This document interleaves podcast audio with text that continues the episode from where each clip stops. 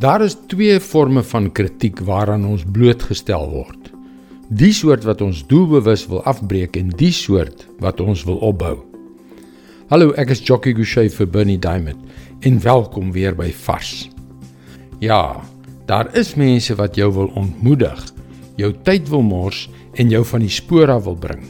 Hulle kom oral voor en die beste manier om dit te hanteer is deur 'n goeie onderskeidingsvermoë te ontwikkel. As jy voor jou siel weet dat iemand 'n twyfelagtige karakter het en dat sy uitkyk skeef is, hoekom o, hoekom sal jy sy kritiek ter harte neem? Ons ontvang soms kritiek van mense wat werklik vir ons omgee en met die beste bedoelings raad gee. Die probleem is dat dit soms nie sensitief hanteer word nie.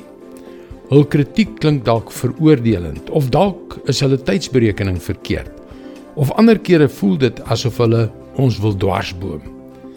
Weet jy, dit kan selfs hul stemtoon of hulle gesigsuitdrukking wees wat ons pla en dan weier ons om hulle goeie raad te aanvaar. Nou ja, wat is ons veronderstel om te doen? Spreuke 15 vers 31. Wie na kritiek luister, sal lewe. Jy sal tuis wees tussen mense met wysheid. Dit wys jou hoe belangrik onderskeidingsvermoë is. Dit gaan nie so seer daaroor of ons lus is om hul kritiek te aanvaar of nie, of die feit dat dit ons trots krenk en of dit dalk swak oorgedra is nie.